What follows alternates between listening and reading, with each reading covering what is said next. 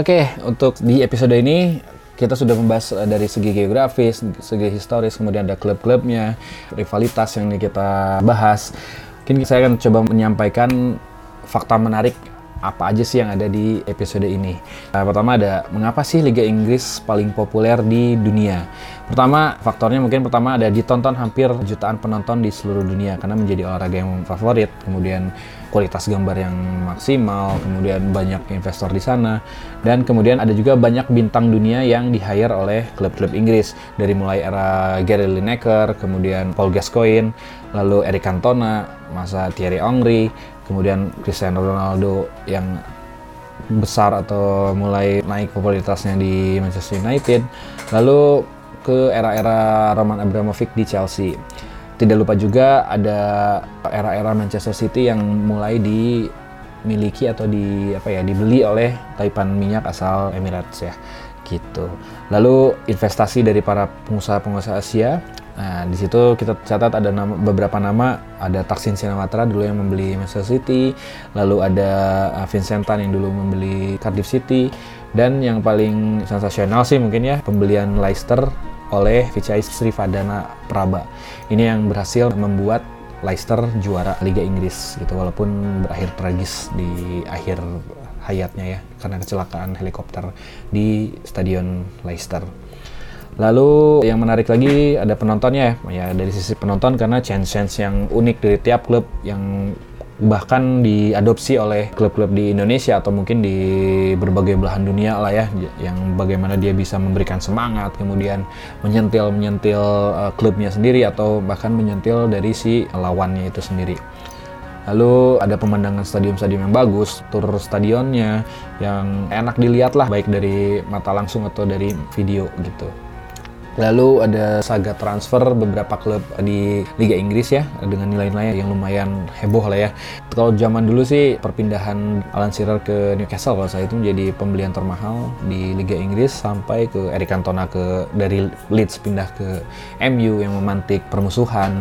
Lalu sama halnya dengan Rio Ferdinand yang pindah juga dari Leeds ke Manchester United. Lalu pembelian beberapa pemain yang ada di sejak era Roman Abramovich dan Emir-Emir Dubai atau Emir-Emir UAE di Inggris. Lalu kenapa juga populer karena jam kick off yang sesuai dengan pasar Asia. Kenapa sukses? Karena apakah bisa disebut suksesnya itu karena pasar judi ya, pasar judi Asia itu menggiurkan gitu ya sehingga jam kick off-nya itu bisa disesuaikan dengan jam yang ada di Asia. Kemudian siapa sih yang sekarang tidak tahu permainan FPL ya, Fantasy Premier League gitu ya yang sering dimainkan yang mungkin menambah kepopuleran dari Premier League. Lalu yang kedua, mengapa semua subculture kebanyakan dari Inggris, entah dari musik atau sepak bola? Pertama yang paling apa? Yang paling diingat mungkin uh, ya dari kolonialisme yang dilakukan oleh British Empire dulu gitu ya. Nah, sehingga kebudayaan atau misalnya olahraga itu ya tersebar di beberapa bagian dunia itu tersebar mulai dari kultur subculture itu ada yang disebar ada atau ada juga yang diambil oleh si British Empire-nya itu sendiri gitu. Lalu uh, untuk si culture atau ke musik itu ada mungkin skena-skena root boy, skinhead, kemudian punk, mods, bahkan casual itu ya basicnya itu mungkin diambil atau diadopsi dari para imigran yang tinggal di Inggris dan kemudian membentuk satu komunitas dan satu skena kemudian dipertahankan sampai sekarang. Makanya beberapa skena ini bisa tetap ada sampai sekarang gitu Lalu ada juga penyebarannya melewati si asosiasi persemakmuran jelas karena anggota persemakmuran juga begitu banyak gitu ya yang saling bahu membahu lah antara negara persemakmuran ini. Lalu untuk sepak bolanya ya karena budaya kelas pekerja itu sebagai eskapisme di akhir pekan. Jadi mereka menginginkan hiburan lah setelah lima hari bekerja atau lima atau enam hari bekerja di pabrik kantor atau bidang apa pun. Lalu fashion di Inggris juga memang terlihatnya lebih modis atau ya modis atau lebih up to date lah ya untuk perkembangan fashion di dunia. Gitu. Lanjut ke uh, mengapa bahasa Inggris menjadi bahasa internasional? Ya, jelas seperti yang tadi saya sebutkan karena British Empire merupakan kolonialisme terbesar atau terluas di dunia ya. Jadi sebagai pengantar antara bangsa-bangsa yang menjadi koloni, jadi ya otomatis bahasa Inggris pasti akan dipakai setiap harinya atau menjadi lingua franca bagi para penuturnya lah. Lalu sepak bola juga menjadi olahraga yang dimainkan oleh banyak orang. Jadi kalau misalnya untuk komunikasi mungkin ya satu sama lain ya mungkin jadi bahasa pengantarnya juga gitu. Lalu karena begitu mudahnya tersebar sehingga bahasa ini mungkin akan disederhanakan atau secara struktur mungkin sederhana dan mudah dimengerti oleh sebagian negara karena beberapa negara merupakan bekas koloni dari Inggris dan menjadi salah satu bahasa resmi PBB dan juga beberapa organisasi internasional. Jadi mudah dipakai oleh seluruh masyarakat atau seluruh orang di dunia. Dan juga bahasa Inggris juga memang jadi standar bahasa internasional. Gitu. Lanjut ke mengapa media di Inggris paling bisa menggoreng sepak bolanya menjadi sangat populer. Pertama, karena media Inggris itu terkenal uh, pedas terhadap apa pun. Itu mau ke parlemen kemudian ke para artisnya atau ke para ya masyarakatnya atau pembuat kebijakan. Bahkan ke pemain sepak bola atau pelatih sepak bola pemilik sepak bola. Saya catat ada beberapa koran-koran ternama lah ya yang di Inggris yang secara umum mungkin nama-namanya biasa gitu ya atau enggak ah ini mah koran biasa. Cuman ternyata kalau misalnya kita selidiki lagi lebih dalam beberapa koran ini mewakili dari beberapa pandangan politik. Taruhlah misalnya kayak The Sun The Times itu kan mewakili dari center right atau orang-orang konservatif lah ya lalu ada uh, The Daily Telegraph Daily Mirror The Guardian dan uh, Morning Star nah Morning Star ini yang paling vokal terhadap orang-orang kiri karena mereka mewakili orang-orang atau memiliki pandangan politik di kiri atau left wing politik newspaper.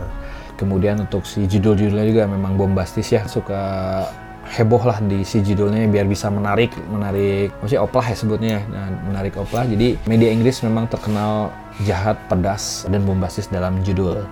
Kemudian ya yang jelas balik lagi ke poin sebelumnya ya bahasa Inggris memang dimengerti oleh seluruh dunia ya. Jadi sangat gampang kita mendapatkan informasi-informasi terkait apa yang terjadi di Inggris atau apa yang sedang terjadi di dunia melalui media di Inggris gitu. Lanjut, mengapa kick-off Liga Inggris mengikuti waktu premier di Asia? Ya, seperti yang saya sebutkan sebelumnya karena pasar Liga Inggris itu memang dikuasai oleh pasar Asia. Pasar Asia kenapa? Asia juga memang kalau secara demografi ya memang di, memiliki jumlah penduduk atau jumlah populasi yang terbanyak di dunia gitu ya. Pasti pasar ada di Asia seterusnya kemudian pasar judinya juga dan fans yang lebih jauh lebih fanatis ya di wilayah Asia. Sebut saja kalau misalnya Indonesia juga sangat fanatis ya nggak tahu terkait fanatis buta atau fanatis apa ya lebih gila lah mungkin ya di Indonesia bisa jadi antar teman juga berantem lah ya gara-gara mendukung si klubnya gitu. Oke, okay, selanjutnya mengapa London paling banyak klub sepak bola? Seperti saya terangkan sebelumnya kenapa London begitu banyak klub sepak bola termasuk rivalitasnya kemudian pertempuran-pertempuran antar fansnya. Pertama faktornya sih mungkin London itu sebagai center of immigrants atau pusat dari para imigran dulunya untuk datang ke Inggris gitu ya. Lalu di mana terdapat beberapa working place di sana karena central bisnis juga ada di London. Kemudian background pembentukan klub-klubnya ini sendiri dibentuk oleh para pekerja, kemudian para mungkin masuk juga agama, kemudian para nobility atau para bangsawan membuat suatu klub dan beberapa mungkin pelajar juga itu di sana. Jadi berbagai macam background ini yang menyebabkan mengapa satu kota London ini memiliki beberapa klub yang mempunyai background berbeda gitu. Lalu sebagai metropolitan city, di mana disebut the Greater London itu wilayahnya begitu luas ya. Jadi ya beberapa wilayah yang masuk ke Greater London itu diakui sebagai London. Kemudian merupakan melting pot dari beberapa culture. Melting pot di sini disebut sebagai wajan yang bersatunya beberapa culture dari berbagai belahan dunia, termasuk dari India, Afrika, Asia, kemudian Amerika, Eropanya sendiri. Nah, semua bergabung di London yang membentuk keberagaman London yang berimbas kepada banyaknya klub di kota London. Gitu. Lanjut ke strategi apa klub-klub di Inggris yang paling bisa menyedot perhatian. Oke, kalau yang paling terkenal itu strategi Inggris pasti pada kenal uh, istilah kick and rush, di mana itu dipopulerkan tahun 96-an waktu Piala Eropa 96 ya dengan strategi ya kita bisa mendapat bola tendang dan langsung mengejar bolanya. Yaitu strategi kick and rush yang melekat di sepak bola Inggris zaman dulu. Lalu ada strategi Pep Ball yang berusaha menguasai position selama mungkin. Lalu ada Hacken pressnya dari si Jurgen Klopp yang diaplikasikan di uh, Liverpool. Ada juga mungkin pada tahu Alex Ferguson time di mana teknik uh, memperdayai wasit agar Manchester United bisa mendapatkan waktu lebih di akhir pertandingan bisa 4 menit, 5 menit sampai berapa menit nah itu bisa disebut sebagai Verge time. Kemudian ciri khas dari Jose Mourinho ya yang terkenal dengan bus parking atau parking bus. Setelah menang 1-0 mereka langsung tarik ke belakang untuk melakukan pertahanan sistem selayaknya bis memarkir biar tidak terjadi kebobolan. Itu.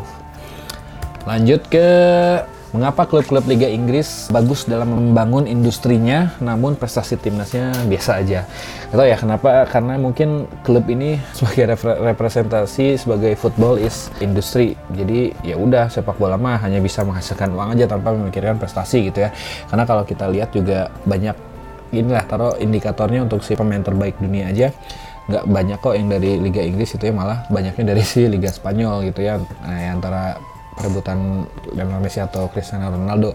Sangat jarang pemain Inggris yang bisa menjuarai atau mendapatkan pemain terbaik dunia apalagi tim nasional sendiri baru menang satu kali di tahun 66 itu berapa puluh tahun yang lalu gitu ya. Lalu faktornya mungkin banyaknya pemain asing di Liga Inggris. Ya, ini mungkin berpengaruh juga terhadap uh, perkembangan si tim tim nasional Inggris itu sendiri. Lalu ya masalah luck, uh, masalah keberuntungan, tiap menerlawan Jerman uh, kadang suka kalah, kemudian kadang pelatihnya yang kurang bagus atau ya ada beberapa faktor lah yang mungkin menuju ke faktor keberuntungan itu. Lalu, nah pada tahun 66 kan memang juara nih, juara di tahun 66 itu sebagai tuan rumah, kemudian juara Piala Julius Rimet lah dulu ya. Nah, kemudian kapan lagi juara? Padahal dapat kesempatan waktu tahun 96 sebagai tuan rumah, kenapa tidak bisa memberikan gelar ke rakyatnya sendiri. Nah itu masih tanya apa sih yang menjadi alasan atau faktor mengapa selalu gagal di uh, turnamen-turnamen besar gitu. Lanjut ke bagian supporter ya. Kenapa supporter di Inggris bisa tertib di negaranya, tapi kalau di luar bisa seakan-akan brutal.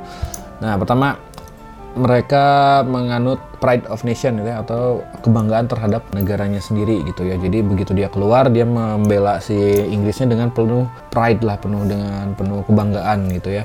Lalu kadang juga kita sering lihat nih kalau di beberapa TV kalau timnas Inggris pasti banyak tuh si supporter-supporter yang ada di kota-kota besarnya gitu ya. Pasti mereka menunjukkan si St. George Cross dengan tulisan-tulisan kota-kotanya atau mewakili si klub-klubnya gitu ya. Nah mungkin patut dicontoh gitu ya kalau misalnya dia mendukung itu ya negaranya gitu bukan hanya si tulisan yang ada di benderanya itu. Jadi mereka membela benderanya bukan hanya tulisan yang ada di benderanya gitu Lalu aturan yang lebih longgar dari si negara Inggrisnya sendiri. Jadi mungkin taruh misalnya dia lagi away days ke Prancis atau ke Spanyol. Nah, mereka bisa lebih mengekspresikan gelagatnya atau karakternya karena penekanan kepada supporter itu mungkin lebih ringan gitu ya atau lebih longgar untuk aturan supporter di beberapa negara yang didatangi oleh supporter Inggris gitu. Nah, mungkin mereka menjadi lebih bebas lah untuk bisa berantem dengan orang-orang lokal atau mungkin berantem dengan sesama orang Inggrisnya sendiri. Kemudian juga ada faktor dari luarnya ya faktor dari tuan rumahnya yang benar-benar ingin menjajal. Bener nggak sih huliganisme di Inggris ini semengerikan itu? Taruh aja ada kasus di Prancis ya kalau saya yang sebut the Battle of Marseille. Itu yang pertemukan antara Inggris lawan Rusia nah, di mana huligan Rusia dan huligan Inggris itu bertempur di kota Marseille. Nah itu mereka sebenarnya ingin ngetes bener nggak sih si hooligan Inggris ini tuh punya kawani seperti itu gitu. Makanya terjadilah Battle of Marseille. Itu. Lanjut ke stadion ya.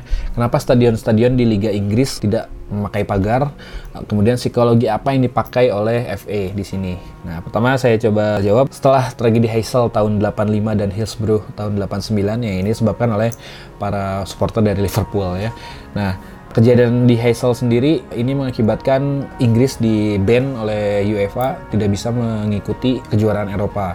Nah, di mana lima tahun ini sebagai masa hukuman dan membangun infrastruktur stadion menjadi lebih baik atau ramah terhadap si penonton. Nah, tapi di di satu sisi juga taruh ini menjadi permusuhan yang mendalam juga bagi si fans Liverpool dan Everton. Kenapa? Karena pas tahun 85 tragedi Hazel itu terjadi dan kemudian Inggris di ban. Nah, ternyata tahun 85 ini merupakan tahun juaranya di si Everton yang di mana mereka harusnya bisa mewakili Inggris di kompetisi Eropa. Tapi akibat tragedi Hazel, yang diakibatkan oleh Liverpool, Everton tidak bisa mewakili klubnya di Eropa. Nah itu menambah daftar panjang rivalitas antara Liverpool dan Everton.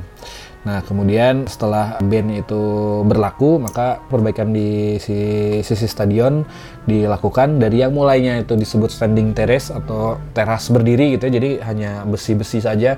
Itu ternyata berbahaya dan dilakukan semuanya menjadi seated terrace atau semuanya pakai tempat duduk Nah, terus ada supporter kontrolnya dari masing-masing klub dan masing-masing apa ya operator lah kalau disebutnya. Jadi sangat strict terhadap perilaku supporter di lapangan, seperti tidak boleh melempar, tidak boleh melewati shuttle band dan beberapa pencegahan-pencegahan lainnya lah sebelum masuk ke stadion. Nah, yang paling unik sih mungkin sistem tiketing tiket musiman ya, karena ini kayaknya sih dapat mereduksi beberapa kekerasan atau beberapa faktor yang membuat klub atau membuat si stadion ini menjadi angker gitu ya. Karena di sistem tiket musiman ini kan pasti itu tercatat semua data-data mereka. Jadi siapa yang melakukan ke taruhlah kejahatan gitu ya dia bisa langsung di ban dari stadion. Dan dia nggak boleh masuk dalam jangka waktu berapa lama atau disebut apa ya banning person atau banning banning card lah gitu. Itu yang bisa saya sampaikan di stadion. Kemudian terkait stadion juga ini ada beberapa tragedi ya. Mungkin cerita apa tentang rentetan sejarah tragedi-tragedi apa aja sih yang pernah terjadi di sepak bola Inggris. Inggris ini di UK lah ya, di UK karena di sini ada juga beberapa catatan di Skotlandia ya. Pertama itu ada Ibrox disaster itu tahun 1902 di mana Scotland dan Inggris bertemu. Ini juga karena tribunnya jatuh ya yang mengakibatkan 25 orang meninggal. Lalu di ada Burnden Park disaster ini sama di wilayah Bolton itu tahun 1946 di mana ini terjadi himpitan para penonton yang menewaskan hampir 33 orang. Lalu ada Ibrox Disaster Part 2 ya di tahun 71 ini antara Glasgow Celtic dengan Glasgow Rangers di mana mengakibatkan 66 orang meninggal ya. Kemudian akibatnya itu itu ceritanya tuh pada saat cetak gol, kemudian ada perayaan di situ dan masuk ke lorong-lorong stadion dan terjadi chaos di situ dan banyak yang terinjak. Itu lanjut ke Hillsborough disaster itu tadi yang kejadian di tahun 89 itu di kota Sheffield. Ini final Piala FA kalau tidak salah. Ini antara Liverpool dan Nottingham Forest. Ini mengakibatkan 97 meninggal ya. Eh makanya ada Justice for 97 ya atau Justice for 96 ya di Liverpool itu. Itu sebagai pengingat tragedi di Hillsborough Lanjut ke Bradford City Stadium Fire ini tahun 85. Ini di markasnya Bradford di Valley Parade Stadium yang dulu itu memang bangunannya itu kayu ya jadi ada satu tragedi di mana yang memantik api ya gara-gara rokok lah ya gara-gara rokok mereka membakar kemudian merembet ke bangunan kayu yang membentuk si stadion Valley Parade ini. Nah ini beberapa orang meninggal karena bakaran sampah akibat rokok yang uniknya di sini kalau rekan-rekan tahu Kenny Douglas itu legenda Liverpool ya legenda Liverpool. Dia mengalami dua tragedi yaitu dua tragedi di Hazel dan di Hillsborough sebagai pemain Liverpool. Dia menyaksikan dua tragedi di sepak bola ini. Kemudian yang paling terkenal justru bukan terkenal ya yang jadi ikonik lah di persepak bolaan itu tendangan kungfu Eric Cantona Nah, Kungfu Eric Cantona ini di mana dia diledek lah di pinggir lapangan oleh uh, supporter Wimbledon. Dia langsung berlari ke tribun penonton dan melakukan tendangan kungfu ke penonton tersebut. Oke, lanjut ke tentang logo-logo yang menarik di Inggris. Mungkin nggak banyak lah, cuma saya beberapa logo lah. Kalau rekan-rekan tahu logo Portsmouth ya, logo Portsmouth itu kenapa ada logo bulan dan bintang gitu ya. Nah kalau saya untuk data yang saya dapatkan ini berasal dari lambang kota Portsmouth yang sebenarnya ada bintang bersegi delapan dan dilandasi oleh bulan di bawahnya. Nah ini banyak yang bicara, wah ini kayaknya ada pengaruh muslim atau apa gitu ya. Nah sebenarnya kalau data yang saya dapat ini merupakan pemberian dari Raja Richard the Lionheart itu atas peringatan jatuhnya Pulau Siprus ke Gubernur Ishak Khomesis di Bizantium atau di ya yang dulu penguasa Bizantium dia merebut Siprus Nah, kemudian dia memakai lambang tersebut dan kemudian diadopsi oleh Richard the Lionheart dan memberikannya ke kota Portsmouth. Makanya dipakai sampai sekarang gitu. Lalu ada Leeds, kalau Leeds tahu ya lambangnya pasti White Rose of York atau mawar putih dari York. Lalu ada Blackburn itu kebalikannya dari si Leeds itu Red Roses of Lancashire atau mawar merah dari Lancashire.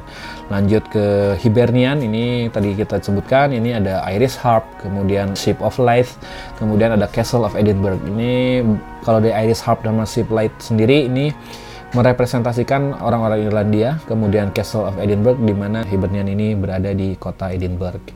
Kalau Swansea ini diambil dari lambang kota dari Swansea yang berbentuk angsa. Tapi masih bimbang juga nih, dia tuh disebutnya angsa atau bebek gitu karena di lambang kotanya hampir lebih mirip ke bebek daripada ke angsa.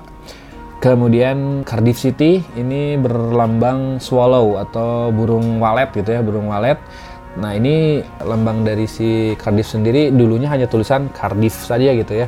Hanya saja seiring berjalannya waktu si lambangnya ditaruh logo si swallow, kemudian ada naga merah Wales dan pernah juga ditampilkan Cross of Saint David atau salib dari Saint David yang berwarna hitam dan kuning gitu. Lalu kalau Everton pasti dengan lambang Prince Super Tower-nya yang terkenal ya di wilayah Everton. Kemudian ada Crystal Palace. Crystal Palace ini semacam apa ya? Semacam gedung eksibisi yang dilaksanakan di daerah London dan kemudian diadopsi menjadi logo dari klub Crystal Palace gitu. Lanjut ke Kenapa pecinta sepak bola di Inggris sudah mulai muak dengan industrialisasi terhadap klub masing-masing dan tidak suka terhadap sepak bola modern. Nah, saya coba jelaskan di sini industrialisasi sepak bola oleh para investor di mana klub sepak bola tidak bisa mengakomodir keinginan dari para fans dan hanya kepentingan bisnis semata di mana kepemilikan klub sepak bola mayoritas adalah dikuasai oleh investor asing. Nah, maka di sinilah lahirnya beberapa fan on club yang mulai menjamur untuk menyelamatkan klub mereka gitu. Kita bisa sebutkan beberapa klub yang ya hadir atau lahir dari ketidakpuasan para supporter terhadap klubnya. Bisa saya sebutkan pertama ada FC UM atau FC United of Manchester. Ini sebuah komunitas yang bekerja berdasarkan satu anggota satu suara. Nah ini yang banyak dicontoh lah oleh beberapa klub di dunia ya. Nah ini dibentuk oleh penggemar Manchester United yang benci dengan Malcolm Glazer atau keluarga Glazer yang menguasai Manchester United. Lanjut ke Exeter City FC di mana setelah degradasi pada tahun 2003 mereka jatuh ke Conference League atau liga ketiga kalau salah liga liga eh, tiga atau keempat. Lalu diambil alih oleh si Exeter City Supporters Fund atau Supporters Trust atau satu lembaga yang menguasai hampir mayoritas suara untuk si Exeter City. Lalu ada Clapton Community FC yang dibentuk tahun 2018 yang menentang justru si Clapton FC yang kurang lebih sih sebenarnya fan on base si klub juga itu ya si Clapton FC. Lalu ada beberapa nama seperti Chesterfield atau kemudian AFC Liverpool. Nah, AFC Liverpool ini lebih bukan lucu ya unik lah AFC di sini bukan sebagai Association Football of Liverpool ya cuman affordable football club jadi ya football club yang dapat di dibeli oleh seluruh penggemarnya ya ini berangkat dari kekecewaan fans Liverpool terhadap Liverpoolnya itu sendiri.